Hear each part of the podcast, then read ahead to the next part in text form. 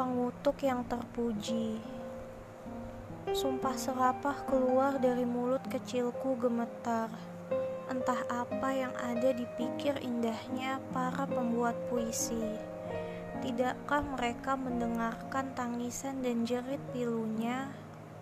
Sendiri membuat seni yang tak bertepi, meski takdir itu berbatas.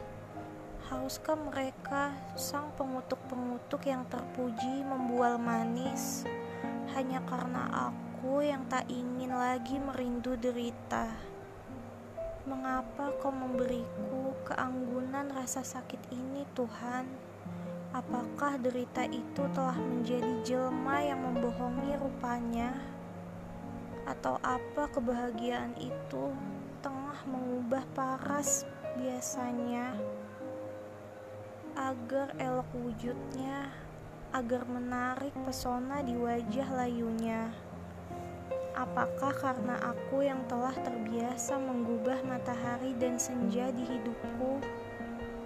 Bisakah aku jika mengatakan bahwa takdirku bergantung pada sudut pandang yang kupinang? Agar air mata yang kurangkai dengan sedih tidak terjatuh sia-sia di pelupuk luka yang bersimbah tabah. Kalau ku miliki kaki sakti itu sekali lagi, pasti akan ku kenang setiap tapak langkahku yang mengitari bumi kami. Berjalan sejauh mungkin melampaui garis lelahku. Aku yang tiada berharap lagi mengais sisa nafasku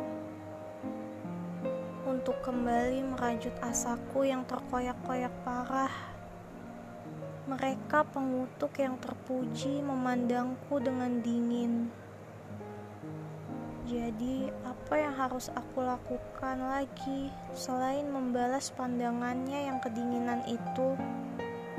Kata terpujinya menguap dalam bayangan ketiadaanku, seolah takdir merestuinya untuk pergi dengan tenang selama-lamanya melepasnya seperti angin, angin yang berpamitan pada setiap remah-remah dan delion yang rapuh pasrah pada rasa yang terserah resah.